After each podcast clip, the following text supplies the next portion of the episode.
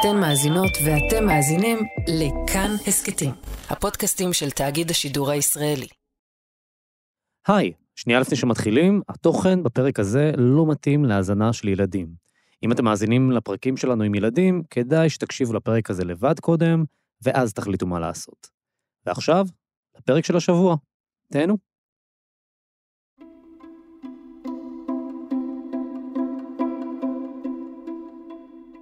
היי, אתם ואתן בפרק הרביעי והאחרון של סדרת הבת של חיות כיס, בית בקצה המסילה. אני צליל אברהם. ואני קרן נויבך. ובשלושת הפרקים הראשונים של הסדרה, ראינו שהמערכת של המעונות לנערים ונערות בסיכון, זו שנקראת חסות הנוער, פועלת על אוטומט כבר הרבה מאוד זמן, בלי לשאול את עצמה יותר מדי שאלות על אופן הטיפול, או עד כמה היא מצליחה לסייע לנערות ולנערים. נכון מאוד, אבל לפני שש שנים כאילו קרה משהו. נדמה היה שאחרי עשרות שנים של מצב כמעט סטטי, משרד הרווחה לכאורה החליט לבחון מחדש את התחום הזה, ולעשות בו שינויים, איך נאמר, דרמטיים. כמה דרמטיים? בואי נגיד שבשלב כלשהו אפילו גלגלו את המילה הלאמה על הלשון. והסיפור הזה מתחיל בשנת 2017, דווקא במשרד המשפטים. שם שמים לב שמשהו לא טוב קורה במעונות חסות הנוער. הם התחילו להרים טלפון לכל הממונים המחוזיים, למפקחים שלהם ואליי, ולהגיד משהו קורה. הרשימות מתארכות. משך ההמתנה, זה הפך להיות בלתי נסבל. אין כמעט ילד שמגיע אה, להשמה תוך אה, זמן שהוא אפילו סביר. אין צפי, פעם ראשונה ששמעתי את המונח, אין צפי להשמה. זאת לידיה רבינוביץ'. אני ממונה ארצית על ייצוג קטינים בסיוע המשפטי במשרד המשפטים. זה אומר שהיא אחראית על ייצוג הנערים והנערות שמגיעים לבית המשפט, לא כי הם עברו עבירה, אלא כי המדינה רוצה להוציא אותם מהבית, בצו בית משפט, כי הבית הוא לא מקום בטוח. לכאורה, מי שאמור להגיד מהי טובת הילד, היא העובדת הסוציאלית לחוק נוער. אבל בשטח זה לא תמיד עובד. כמו שעדי סיפרה לנו בפרק הראשון על האוסית שהבטיחה לה שהיא תגיע למסילה. וגם שהיא לא תגיע לגיל 20, כן, בדיוק זה. הרבה פעמים יש סתירה לבין מה שהילד או הילדה רוצים, לבין מה שחושבת העובדת הסוציאלית, ומה שקובעת המדינה. ולכן נוצר הסיוע המשפטי לקטינים. והיום, כשהמדינה מוציאה ילד מהבית, הילד הזה זכאי לקבל ייצוג מאחד מעורכי הדין של הסיוע המשפטי. של לידיה. כיוון שההליך הוא דרקוני, או יש לו פוטנציאל להליך דרקוני, משנה חיים, אתה משפיע על כל שעה ושעה וכל היבט מהחיים של הילד. ברור שצריך הגנה מסוימת בהליך המשפטי, ייצוג שהוא רק שלו. ובמשך שנים, מספרת לידיה, יש מחסור קבוע במקומות במעונות. זו בעיה שכולם מכירים. יש יותר מדי ילדים שמוצאים מהבית, ופחות מדי מקומות במעונות. ולאורך שנים, המספר נע בין 100 ל-300, זה מספר הילדים שממתינים בשגרה להיכנס לאחד מהמעונות הנעולים. וכולם התייאשו. זאת הייתה בעיה כל כך כרונית, שהיא הפכה להיות כמו הפקק באיילון, בסדר? כאילו, אין, אין מה לעשות. אתה יודע שאתה קם בבוקר, נכנס לאוטו, והולך להיות שעה וחצי בפקק, ואתה כבר מכניס את זה בתוך, מסגר, בתוך מסגרת השיקולים של החיים שלך. אבל בניגוד לפקק באיילון, לפקק ההמתנה של ילדים שכבר הוחלט שהם צריכים לצאת מהבית, כלומר שהבית זה המקום שפוגע בהם, יכולות להיות השלכות הרבה יותר חמורות. עשרות החלטות של בית המשפט העליון ובתי המשפט לנוער, שאומרים, יש לי פה קטין, הוא צריך מסגרת נעולה, אבל אין מסגרת נעולה, אז מה אני אעשה? אז אני אמצא חלופה אחרת, אני אשחרר אותו לרחוב, אני אשלח אותו לכלא אופק. אה, דוחות של מבקר המדינה, כתובות תחקיר, כל עורכי הדין שלנו ידעו שאם יש להם נער או נערה שצריכים להגיע לחסות הנוער, הדבר הראשון שהם אומרים לנערים ולמשפחות שלהם, קודם כל להמתין. לפתח את שריר הסבלנות וההמתנה. כי המקום הזה לא, לא יהיה פנוי בחודשים הקרובים. ומה קורה בזמן הזה? בזמן הזה יכולים לקרות למעשה שלושה, יש שלוש אפשרויות. אפשרות אחת זה שעורך הדין, זאת אומרת, הנער הזה, הוא צריך להיכנס למסגרת אתמול, ולכן אני שם את כל פול הגז שלי בנער הזה, ואני הולך אה, לבית המשפט, היה לנו מקרה כזה, שעורכת הדין הלכה לבית המשפט, אמרה, הבאתי מזרון, אני והנער שאני מייצגת, אנחנו לא נזוז מפה עד שהוא יקבל מקום בנווה חורש. כמובן שאי אפשר לעשות את זה עם כל נער או נערה, וזה בא על חשבון נערים ונערות אחרים. אפשרות שנייה, לחכות ולקוות לטוב. אפשרות שנייה זה שבינתיים משהו מסתדר, זאת אומרת, אמרתי לילד, אתה חייב לי, כאילו להתאזר בסבלנות, לפעמים משהו קורה מהאימה של, של ההשמה, לפעמים מתרוממים, ו- וכן, פתאום יש איזו תוכנית בקהילה שנער או נערה מתגייסים, פתאום יש איזה קרוב משפחה שהופך להיות הידיד של הקטין ומצליח איכשהו לרתום אותו, מסתדרים. ויש את האפשרות השלישית, שהיא הכי מפחידה. והמצב השלישי הוא המצב שבו יש נזק בלתי הפיך, ויש לנו מקרים כאלה, שבזמן המתנה הפתרון הופך להיות לא רלוונטי. כי לא עלינו, אובדנות, ילדים שפשוט נושרים מהרדאר, לא מוצאים אותם. על אחת הנערות האלו כנראה שמעתם. מכאן למותה הטרגי של מרים פרץ, בת ה-17, שנמצאה בלא רוח חיים בביתו של גבר בן 50, תושב בית צפאפא, אחרי שנטלה מנת יתר שקיבלה ממנו. מרים פרץ הוגדרה על ידי המערכת כנערה בסיכון. היא הייתה תקופה במעון צופיה, בשלב מסוים היא גם התחילה להשתמש בסמים. לפני שהיא מתה ממנת יתר בסוף אוקטובר 2019, היה לה צו למרכז הגמילה, רטורנו. עוד לפני כן, היא הייתה אמורה להגיע למעון מסילה. זמן ההמתנה למסילה באותו זמן היה תשעה חודשים. אחר כך גם ברטורנו לא היה מקום. תשע חודשים, אנחנו מתקשרים לעו"סית, לעובדת סוציאלית, מתקשרים לכולם, מרימים טלפונים, אף אחד לא עונה. זה יוסף פרץ, אח של מרים. העו"סית לא עונה, וגם כשהיא ענתה, היא אמרה, תקשיבו, אל תטרידו אותי, אל תקשרו לטלפון האישי, והיא פשוט הפקירה את אחותי, נתנה לאחותי להיות בחוץ, להמשיך להיות בחוץ, להמשיך לצרוך סמים. אנחנו מכירות את הסיפור של מרים פרץ בגלל הסוף הטרגי שלו, בגלל שהיא מתה. אבל באותו הזמן, מאות נערים ונערות היו במצב דומה לשלה, בהמתנה למקום במעון. אז המתנה של כמה חודשים הייתה המצב הרגיל, אבל כאמור, כבר במהלך 2017, עורכי הדין של הסיוע המשפטי שמו לב שמספרי הממתינים עולים באופן חריג, וכך גם זמן ההמתנה. והתחלנו ככה באמת אה, למפות ולהבין את הסיטואציה, והבנו שמדברים, כבר לא מדברים על, לא על 100 ולא על 150, כבר מדברים על הערכה של 460 קטינים שמחכים. 460 ילדים וילדות שמחכים למקום במעונות הנעולים, שמראש יש בהם רק 350 מקומות, זה מספר שאומר שהמערכת הפסיקה לעבוד. שוב, אני לא מנהלת את המסגרות, אבל הבנו שהפתרון הזה הפך להיות פתרון בלתי מושג עבור הקטינים שאנחנו מייצגים. זאת אומרת, אה, I might as well promise them the moon. והם הגיעו למסקנה שכמה שלא בא להם להגיש בג"ץ נגד המדינה, אין להם ברירה. אני לא ששה להגיש בג"ץ, אנחנו בכל זאת אה, יושבים במשרד ממשלתי, ולא הייתה לנו ברירה, ואני חושבת שבדיעבד זאת הייתה החלטה אסטרטגית אה, נכונה. הנה כמה מהסיפורים של הנערות והנערים שהסיוע המשפטי עתר בשמם נגד המדינה. נער בן 15 וחצי, קורבן לאלימות בבית, משוטט בלילות, משתמש בסמים, מעורב באירועים אלימים. הוא נפלט מפנימייה ובאפריל 2017 קיבל השמה למעון נווה חורש. למעון הייתה המתנה של שבעה חודשים.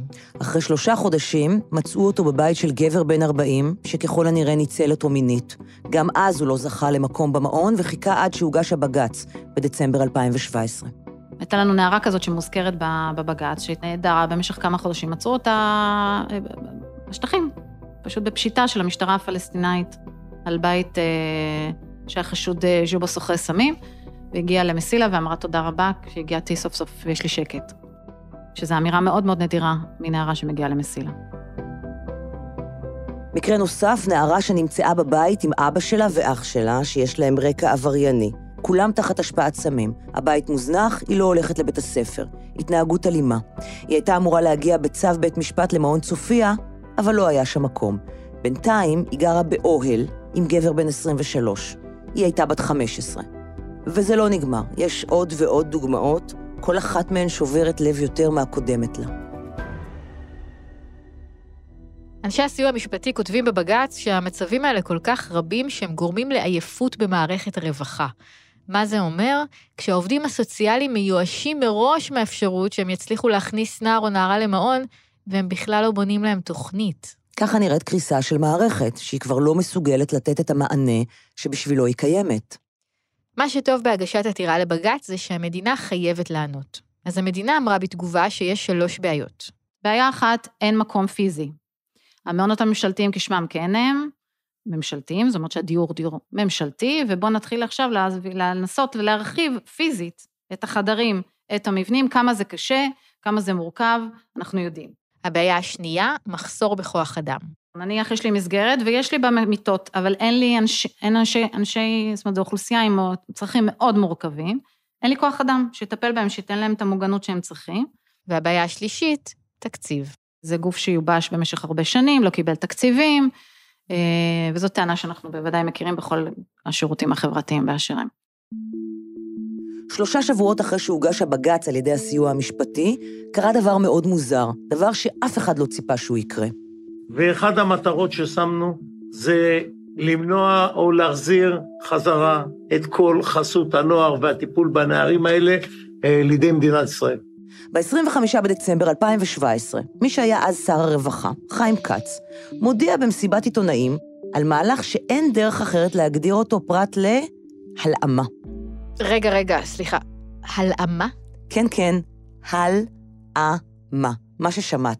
ולשר כץ יש אפילו הסבר מדוקדק ופרטני, שאם מתעלמים מכל מה שקרה לפני כן וכל מה שקרה אחרי כן, הוא נשמע ממש הגיוני. מסתובבים אה, ילדים או שכלואים בכלא, או שמסתובבים ברחובות, למרות שהם היו צריכים להיות במ- במעונות, אם אפשר לקרוא לזה מעונות או מקומות סגורים, חוץ מזה, המעונות ריקים ומוזנחים. וכשבאנו למקומות, אה, חציים היה ריקים, כי היו המון מקומות.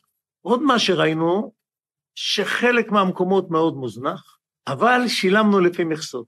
ומי שאשם בכך, לפי השר כץ, אלו העמותות שמפעילות את המעונות. ודבר בולט נוסף היה שמי שמפעיל את המקומות האלה היו בעיקר עמותת עינב, שמפעילה את זה שמונה מתוך תשעה מעונות, שמפעילה את זה 22 שנה. זה די צרם. אז בעצם מה ששר הרווחה של מדינת ישראל אמר זה שהמעונות לא תפקדו, ונראה שהם לא תפקדו כי מי שהפעיל אותם זו עמותה ולא המדינה בעצמה.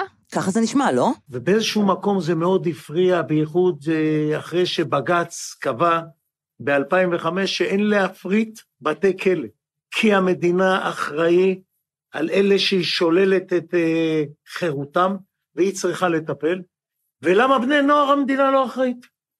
למה בני נוער אפשר להפריט? הוא אפילו מזכיר את הבג"ץ שקבע שאי אפשר להפריט את בתי הכלא, ושואל את מה שאנחנו שאלנו בעצמנו, בפרק השני. אם אי אפשר להפריט כלא למבוגרים, איך אפשר להפריט מנגנון כליאה לילדים? המדינה צריכה להיות אחראית על אזרחיה, ומה שלא טוב לבוגרים, לא טוב, לא טוב לנערים. הכל נשמע כל כך הגיוני. והנה המסקנה. אם נעביר את ההפעלה של המעונות לידי המדינה, כלומר, נלאים אותם, הכל יהיה יותר טוב. הטיפול יהיה יותר נכון, ההתייחסות תהיה יותר נכונה, נוכל אה, לתת יותר עובדים סוציאליים, נוכל לתת יותר מטפלים, ונוכל לשקם יותר את הנערים. חלום. אני חושבת שהמילה הלאמה לא נשמעה לפני כן או אחרי כן על ידי גורם ממשלתי בישראל בשום הקשר. זה לא קיים בלקסיקון של אף ממשלה כבר עשרות שנים. הפעם האחרונה שהלאימו כאן משהו היה במשבר ויסות מניות הבנקים ב-1983. אז נחשים מה קרה. כלום? יותר גרוע מכלום, בדיוק להפך. כמה שעות, שעות, אחרי ההודעה על ההעלמה הדרמטית, לכאורה, של השר כץ, מתפרסמות תוצאות המכרז החדש להפעלת המעונות הנעולים, אלו שאסור להפריט אותם על פי השר כץ. ומי זכתה? לא אחרת מאשר חברת דנאל. נשמע לך מוכר? חברת דנאל היא חברת כוח אדם ושירותי רפואה שנסחרת בבורסה למטרות רווח.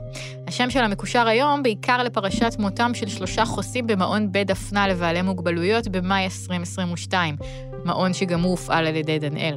הזכרנו אותה בפרקים הקודמים כמי שמפעילה היום חלק מהמעונות הנעולים לבני נוער, למשל מסילה. נכון, אבל אז, ב-2017, זו הייתה הפעם הראשונה בתולדות מדינת ישראל שחברה למטרות רווח זכתה במכרז להפעלת מעון נעול של המדינה.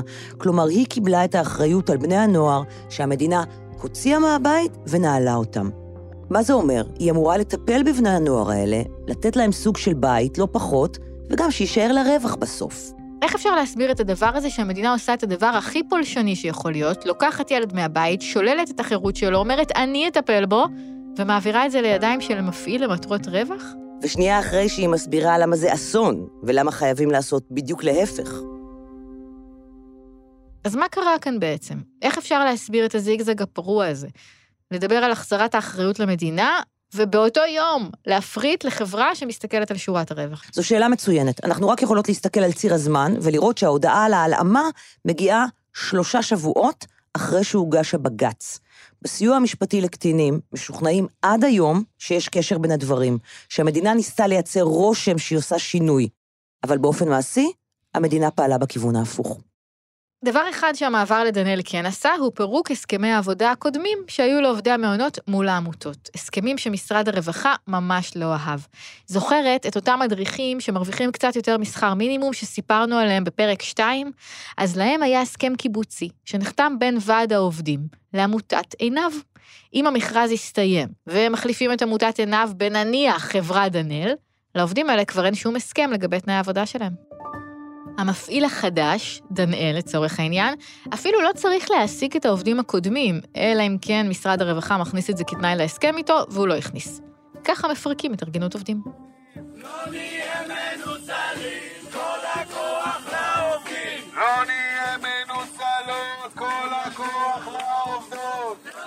וזה בדיוק מה שאמר לנו גורם בכיר במשרד הרווחה במהלך התחקיר שלנו. המטרה של המכרז שיצא ב-2017 הייתה להכניס את חברת דנאל למעונות הנעולים, לשבור את ההתארגנות של כוח לעובדים ולהוציא אותם משם. והם הצליחו להשיג בדיוק את זה. ומי שנפגע מזה באופן ישיר והכי משמעותי הם הנערים והנערות במעונות. הם אלו שזקוקים לדמויות יציבות בחיים שלהם, ובמקום זה הם מקבלים בדיוק את ההפך. מדריכים ומדריכות עם אפס יציבות תעסוקתית שהם מתחלפים כל הזמן, ועם מעט מאוד הכשרה וניסיון. התוצאה, מינימום של יציבות לנערים ולנערות האלו. לכי תבנה ככה בית.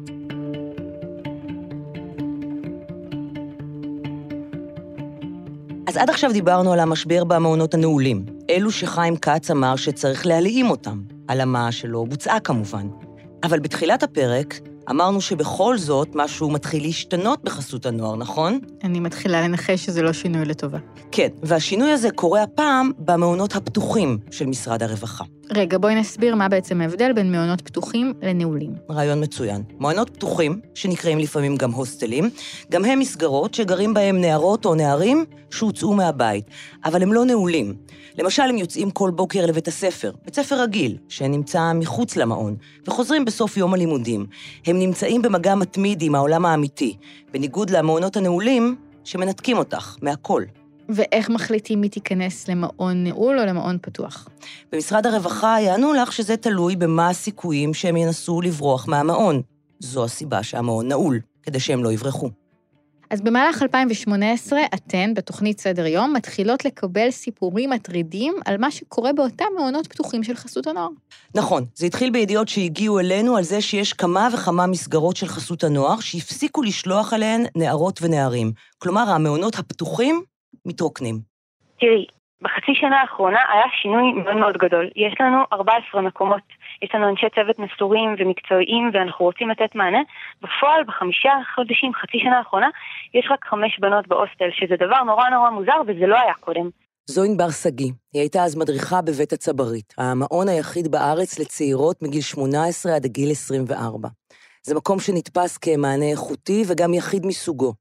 וברגע מסוים, משרד הרווחה פשוט הפסיק להפנות אליהם צעירות. זה מה שהיא סיפרה בריאיון אצלנו בתוכנית, בסדר יום. אנחנו מקבלים טלפונים, כועסים מעובדות סוציאליות שאומרות, הגשנו בקשה, למה אנחנו לא מקבלות אישור? הנערות נמצאות, הן מבקשות להיכנס. הבעיה היא לא חוסר בנערות. עובדות סוציאליות אישרו לנו שניתנה להן הוראה להפסיק להפנות נערות בסיכון, נערות שהן ממתינות למיטה ולטיפול, לשורה של מעונות. אף אחד לא הסביר להן למה. הכל נמסר בעל פה, בלי תיעוד בכתב. אני יכולה להגיד שזה כבר לא שמועות, אין נערות. למה אין נערות שמגיעות? אז אם בתחילת הפרק סיפרנו על רשימות המתנה ארוכות למעונות הנעולים, עכשיו אנחנו מדברות על מעונות פתוחים שעומדים חצי ריקים? נכון, וזה מה שהפך את זה ליותר מטריד. במשרד הרווחה טענו שהנערות והנערים שממתינים לא מתאימים למסגרות הפתוחות, שהם צריכים רק מסגרת נעולה. אבל מהשטח עלתה השאלה, שעד היום אין עליה תשובה. האם משרד הרווחה ניסה בכוונה לייבש את המסגרות האלו? ואם כן, למה?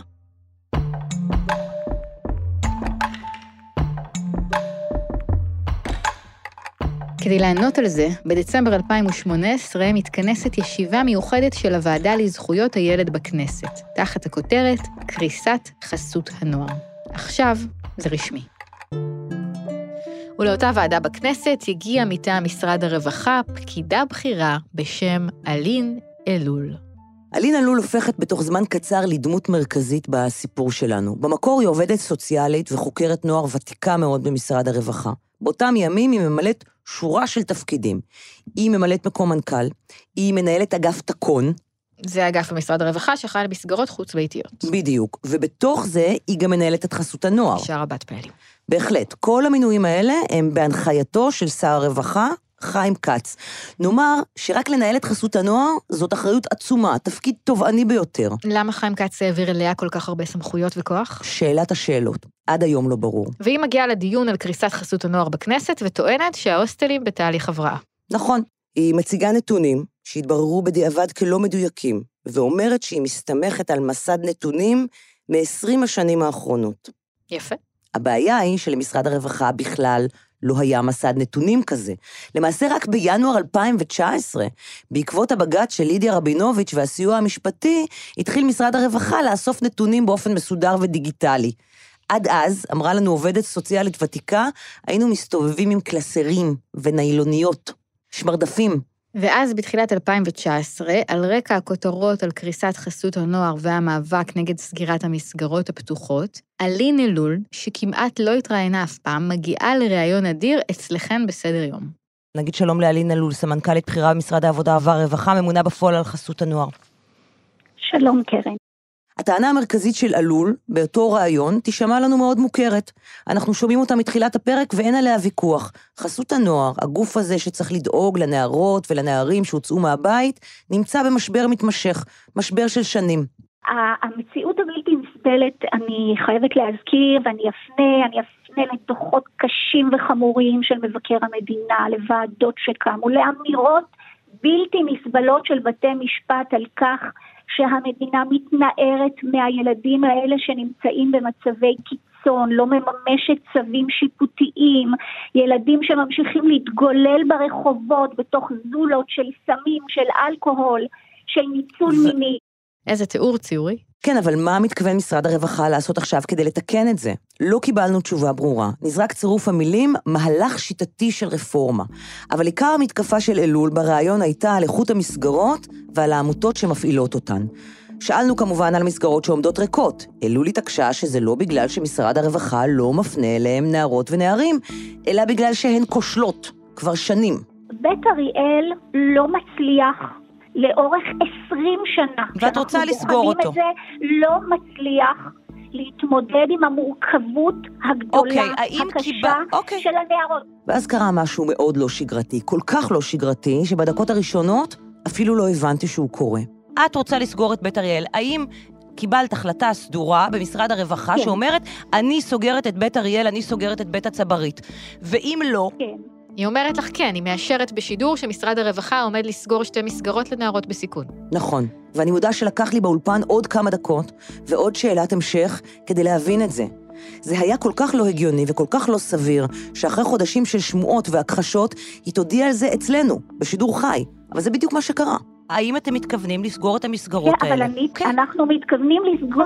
ולמה זה היה כל כך לא הגיוני? כי היא עושה את זה שאף אחת ואף אחד במסגרות האלה, לא הנערות, לא המדריכות והמדריכים, אפילו לא המנהלים, אף אחד לא ידע על זה.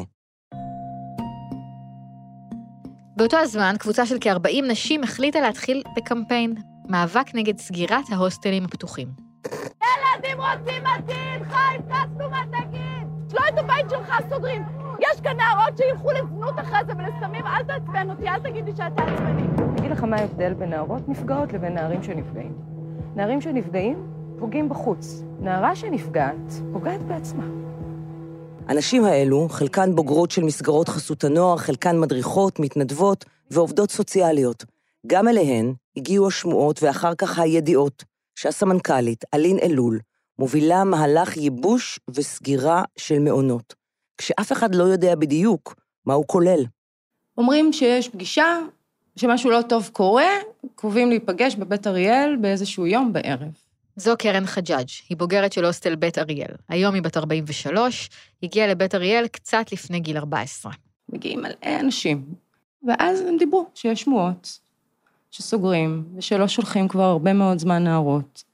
וכשהיא שמעה אצלנו בריאיון את אלין אלול אומרת שהמקום שגדלה בו הוא כישלון, היא והשותפות שלה למאבק לקחו את זה באופן אישי. ובשידור שלך, באמת פעם ראשונה שהוצאת את זה החוצה, שאלין אמרה, כן, אני סוגרת כי המקומות כשלו. לא רק שהם כשלו, הם כשלו 30 ו-40 שנה, כאילו, אני כישלון, מי שגידל אותי כישלון, כולם כישלון. אה, וזה היה נורא מעליב. עלבון, הפקרה, נטישה, כעס גדול, זה מה שעלה מההודעות של בעיקר מדריכות ונערות שהגיעו אלינו תוך כדי השידור.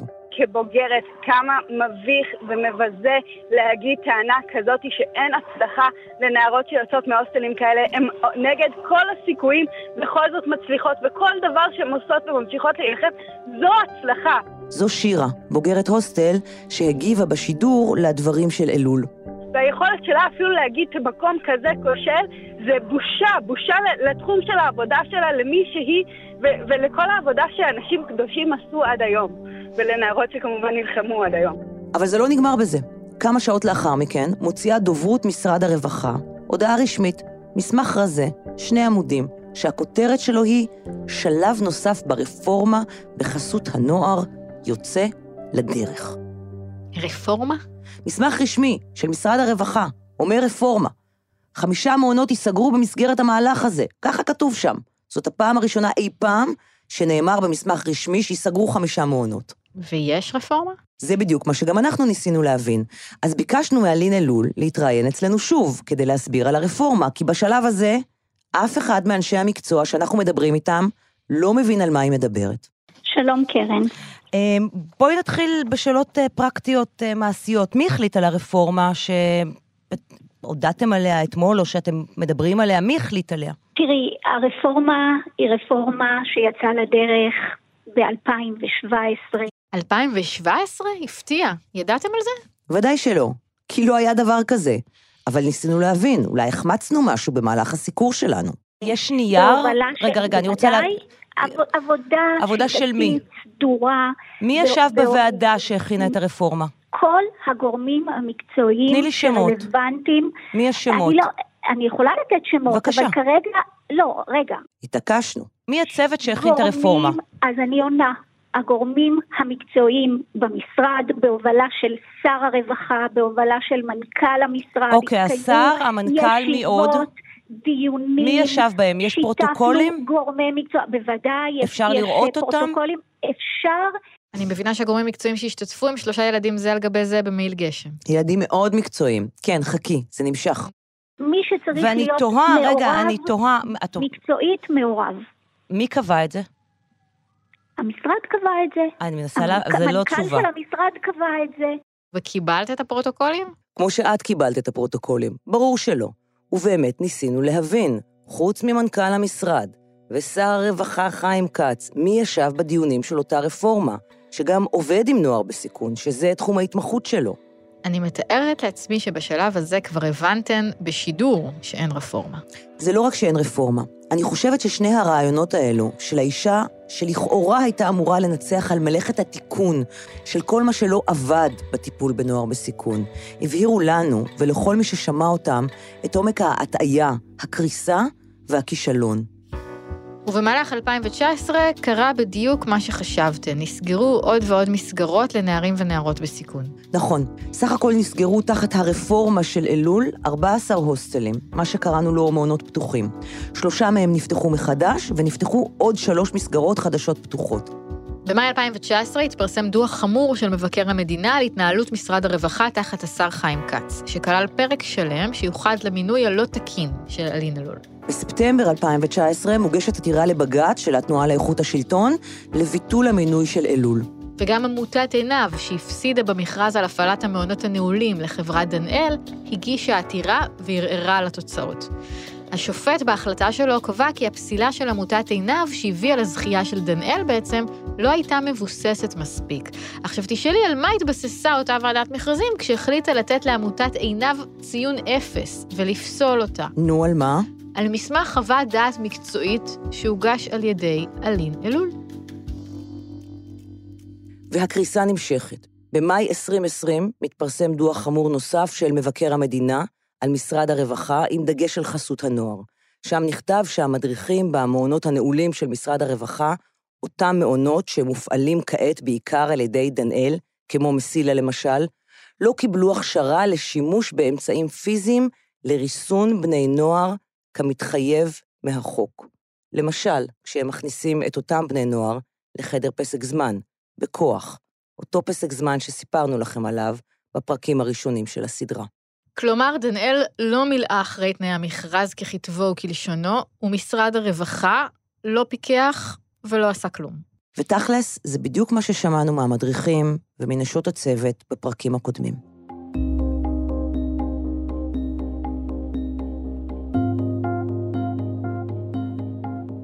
במאי 2021 אלין אלול פוטרה ממשרד הרווחה. אבל זה לא היה איזה סוף טוב לסיפור הזה, כי אלין אלול היא לא הסיפור בעיניי.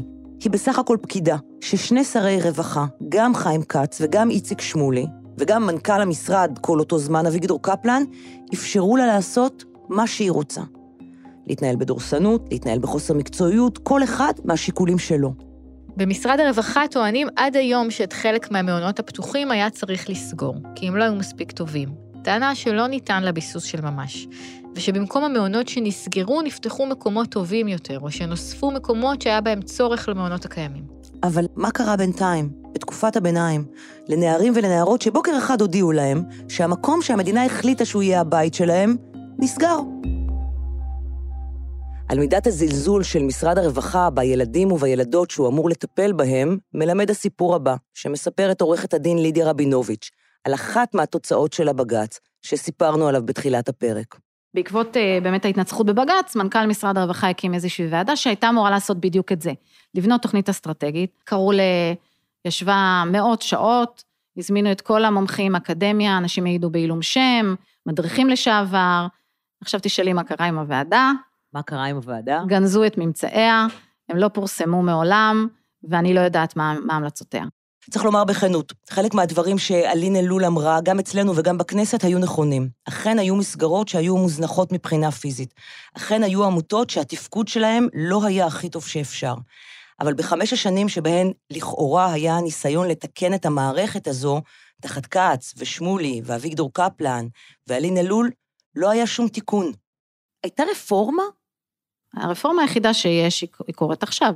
ראיתי איזושהי תוכנית אה, ש, שהיא בעיקר הייתה תוכנית תקציבית, שמנכ"ל משרד הרווחה גיבש עם האוצר לקבל תקציב שהלך הרבה מאוד לתקינה, לתקינה פנימית, תקינה של פיקוח, שזה חשוב מאוד, אבל לא, זה לא עושה את הרפורמה בחסות הנוער, זאת אומרת, אה, עוד רפורמה שדובר עליה זה הלאמה של מעונות חסות הנוער, שזה בוודאי לא קרה. מבחינתי רפורמה זה שינוי תפיסת עולם. זה רק עכשיו מתחיל אה, באיזשהו אופן לקרות.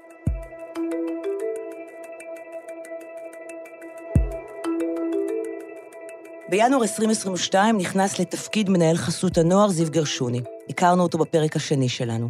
הוא קודם כל רצה לייצב את המערכת, אחרי כל הטלטלות שתיארנו בפרק הזה. אפשר לומר, על בסיס שיחות רבות שקיימנו, שהוא הכניס רוח חדשה למערכת, שהייתה מרוסקת. אנשים מתוך המערכת מעידים שהכניסה שלו לתפקיד הביאה שקיפות גדולה ודו-שיח מתמיד וקשוב עם השטח. מה עוד קרה? בעקבות הבג"ץ שהגיש הסיוע המשפטי נעשו שיפוצים והרחבות, והתווספו מקומות לנערות ולנערים במעונות הנעולים. בעקבות זאת, גם רשימות ההמתנה הצטמצמו. אנשי מקצוע סיפרו לנו גם על שיפור וייעול בתהליך ההשמה. כלומר, מקבלים החלטות לגבי נערים ונערות יותר מהר. לא כולם משוכנעים שאלו אכן ההחלטות הכי טובות לגביהם. שינוי מהותי בשיטת הטיפול, את זה לא ראינו. במרץ האחרון יצא מכרז חדש להפעלת המעונות הנעולים, שברווחה תולים בו תקוות גדולות, ומצפים שהוא יגרום לשיפור גם בתנאי העבודה. אבל אין שם בשורה גדולה מבחינת השכר של המדריכים. הם עדיין עובדים ארעיים בשכר נמוך. את יודעת, צליל, יצאנו לדרך לעבודה על הפרק הזה עם המון שאלות. למה הייתה הכרזה על הלאמה שלא מומשה מעולם? למה יובשו המעונות הפתוחים? מה קרה בשנים האלו במשרד הרווחה? וצריך לומר את האמת, לא מצאנו אקדח מעשן של שחיתות נניח, אלא בעיקר ניהול מאוד גרוע, והעלמת עין ואדישות של המנכ"ל ושל השרים באותה התקופה. ובעיניי, כשחושבים על הילדים שבשבילם נוצרה המערכת הזאת, זה מטריד לא פחות, לא פחות משחיתות. אנחנו חוזרות בעצם לאותו קונפליקט שפגשנו פעם אחר פעם. המדינה מוציאה ילדים וילדות מהבית, לוקחת עליהם אחריות, את מצפה שהיא תתייחס לזה בחרדת קודש ותיתן להם את הטיפול הכי טוב שאפשר. אבל בסוף היא לא מצליחה לתת להם משהו שאפילו מתקרב לתחליף לבית. בסופו של דבר פגשנו בסדרה הזאת מערכת שחוקה מאוד, עייפה מאוד, כן, לפעמים עם כוונות טובות, אבל במרבית המקרים עם תוצאות לא טובות, לא מספיק טובות, עם היעדר מחשבה קדימה על מה מחכה לילדים ולילדות האלו, מה ייתן להם כלים להתמודד עם העולם אחרי גיל 18. זו מערכת שעושה בעיקר תחזוקה. ופעם אחר פעם פגשנו את הפער העצום הזה בין מה שנשות ואנשי הטיפול חושבים שהם מעניקים לאותם ילדים, ובין מה שהילדים והילדות האלה מרגישים שהם מקבלים.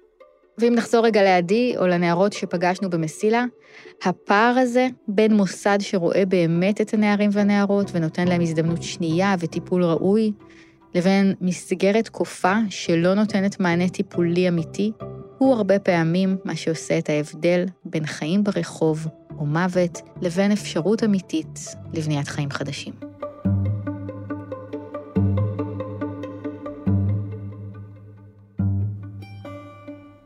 נקרא תגובות. נקרא תגובות. שר הרווחה לשעבר והיום שר התיירות חיים כץ מסר בתגובה. ההלאמה הייתה יוזמה לשיפור השירות בחסות הנוער, שתואמה עם שר האוצר דאז משה כחלון. סוכם על פיילוט לשלושה מקומות בכפוף לאישור ייעוץ משפטי, כפי שהוצהר במסיבת העיתונאים בנושא.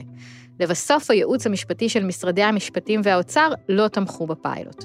השירות בחסות הנוער דרש שינויי עומק ותקצוב ראוי שקבע חיים כץ בתקופתו כשר, והם נותנים כעת פרי, למשל תוכנית יתד שייסד לתמיכה בצעירים בסיכון עד גיל 25.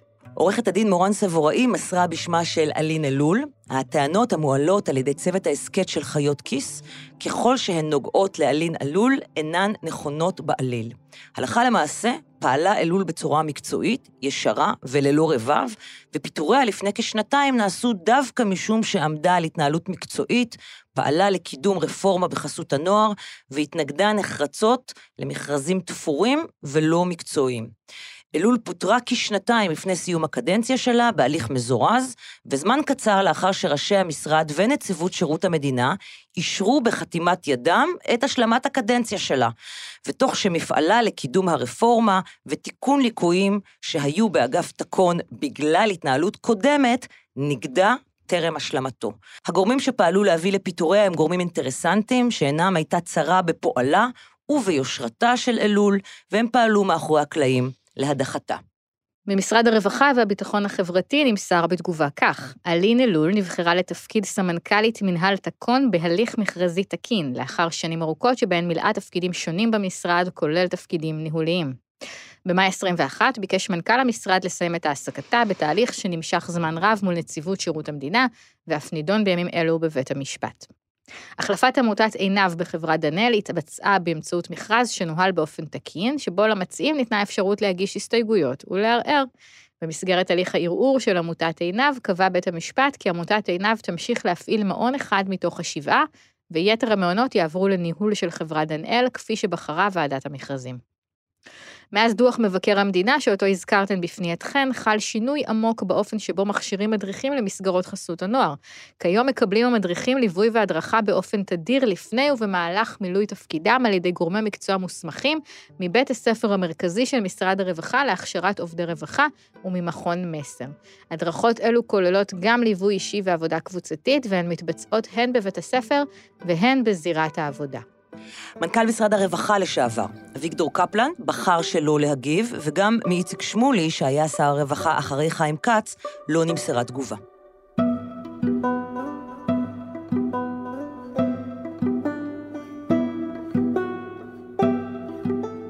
האזנתן והאזנתם לפרק הרביעי והאחרון של בית בקצה המסילה, סדרת בת של ההסכת חיות כיס. העורך שלנו הוא תומר מיכלזון, עורך הסאונד הוא אסף רפפורט. המפיקה היא ליהי צדוק. תודה מיוחדת למאיה קוסובר, שליוותה אותנו לכל אורך העבודה על הסדרה. תודה גם לנופר משה פרדו ולדנית שוקרון ידידיה על העזרה בתחקיר. במערכת חיות כיס חברים גם אלונה מיצי ושאול אמסטרדמסקי. תודה רבה, קרן נויבך. תודה רבה, צליל אברהם. תודה לכם ולכן שהאזנתם.